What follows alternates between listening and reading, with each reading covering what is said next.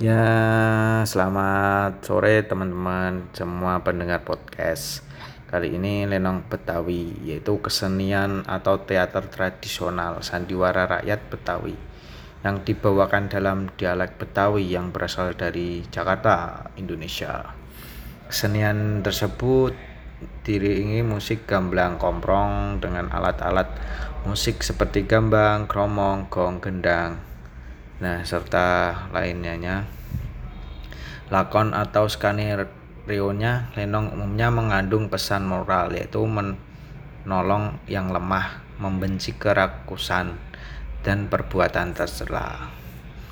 Bahasa yang digunakan dalam Lenong itu yaitu bahasa Melayu, bahasa Indonesia, dialek Betawi lah.